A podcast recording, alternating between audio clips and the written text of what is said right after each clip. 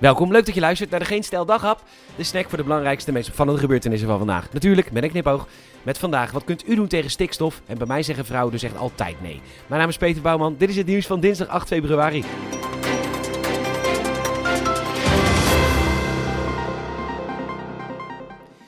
Bij de Telegraaf maken ze zich erg zorgen om de stikstofproblematiek en de vraag wordt hardop gesteld wat een gewone burger zelf kan doen om zijn bijdrage te leveren aan een schonere wereld. Het antwoord is simpel: je gaat eerst heel veel geld verdienen. Je wordt een manager of zo van iets en je bent daarom ook heel erg belangrijk, vind je zelf. Vervolgens ga je verhuizen naar een roomblanke wijk, Eiburg of zo. Dan stuur je roomblanke kinderen naar een roomblanke school en dan besluit je GroenLinks of D66 te stemmen. En omdat je zelf al heel veel geld hebt en je kinderen de beste opleiding genieten die je kunt betalen, kun je dan gemakkelijk zeggen dat iedereen zijn steentje bij moet moet dragen. Juist ook de mensen die het veel minder hebben dan jij. Dat is super handig, want arme mensen gaan dan veel minder vliegen, omdat dat duurder wordt. En jij hebt er dan eigenlijk geen last van. Hetzelfde geldt voor zonnepanelen, die kun jij dan gemakkelijk betalen en andere mensen niet. Waardoor jij kunt zeggen, ja, in het ei geen windmolens, want dat is slecht voor de gezondheid van mijn roomblanke kinderen. Want ik heb al zonnepanelen, dus ik hoef niks meer te doen. De gezondheid van andere kindjes buiten de wijk interesseren je dan geen ene donder. Behalve als die diender twee mensen met een migratieachtergrond fouilleert en maar één bejaarde met een rollator. Dat is dan racisme. En zo lossen we het stikstofprobleem op en kan iedereen lekker slapen als een roosje. Makkie. Haagse bronnen laten weer van zich horen. Dat is altijd lekker voor de Tweede Kamer. Dan hoeven ze niet helemaal samen te komen om het nieuws te krijgen. Maar dan kunnen ze het gewoon lezen bij bijvoorbeeld Omroep Brabant. Volgens die Haagse bronnen wil het kabinet ruime versoepelingen. Nachthoreca open en meer mogelijk voor de cultuursector. Maar daar is het addertje. Weet je nog, in Nederland waart een heel ander virus rond dan in Scandinavië, Engeland, Ierland, Spanje en Griekenland en zo.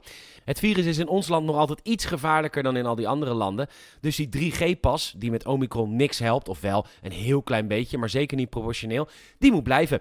En in de nachtclubs denkt men aan 1G dat iedereen zich moet laten testen. Je weet wel, de nachtclubs, waar bejaarden graag samenkomen om eens lekker een pilletje te nemen en tegen elkaar aan te rijden. Om die mensen te beschermen moeten ook een paar jongeren die in de nachtclubs komen zich laten testen. Want die hebben het allemaal niet al lang gehad. Ja, ik vraag het dus wel altijd uh, van tevoren. En um, het is één keer in mijn leven gelukt dat een vrouw mij terug appte en zei: Oké, stuur maar een foto van je penis. Dus ik, uh, ja, ik was een uur bezig. Ik, ja, je wilt toch dat, het, dat hij er goed uitkomt. En uh, je krijgt dan maar één kans, denk ik dan.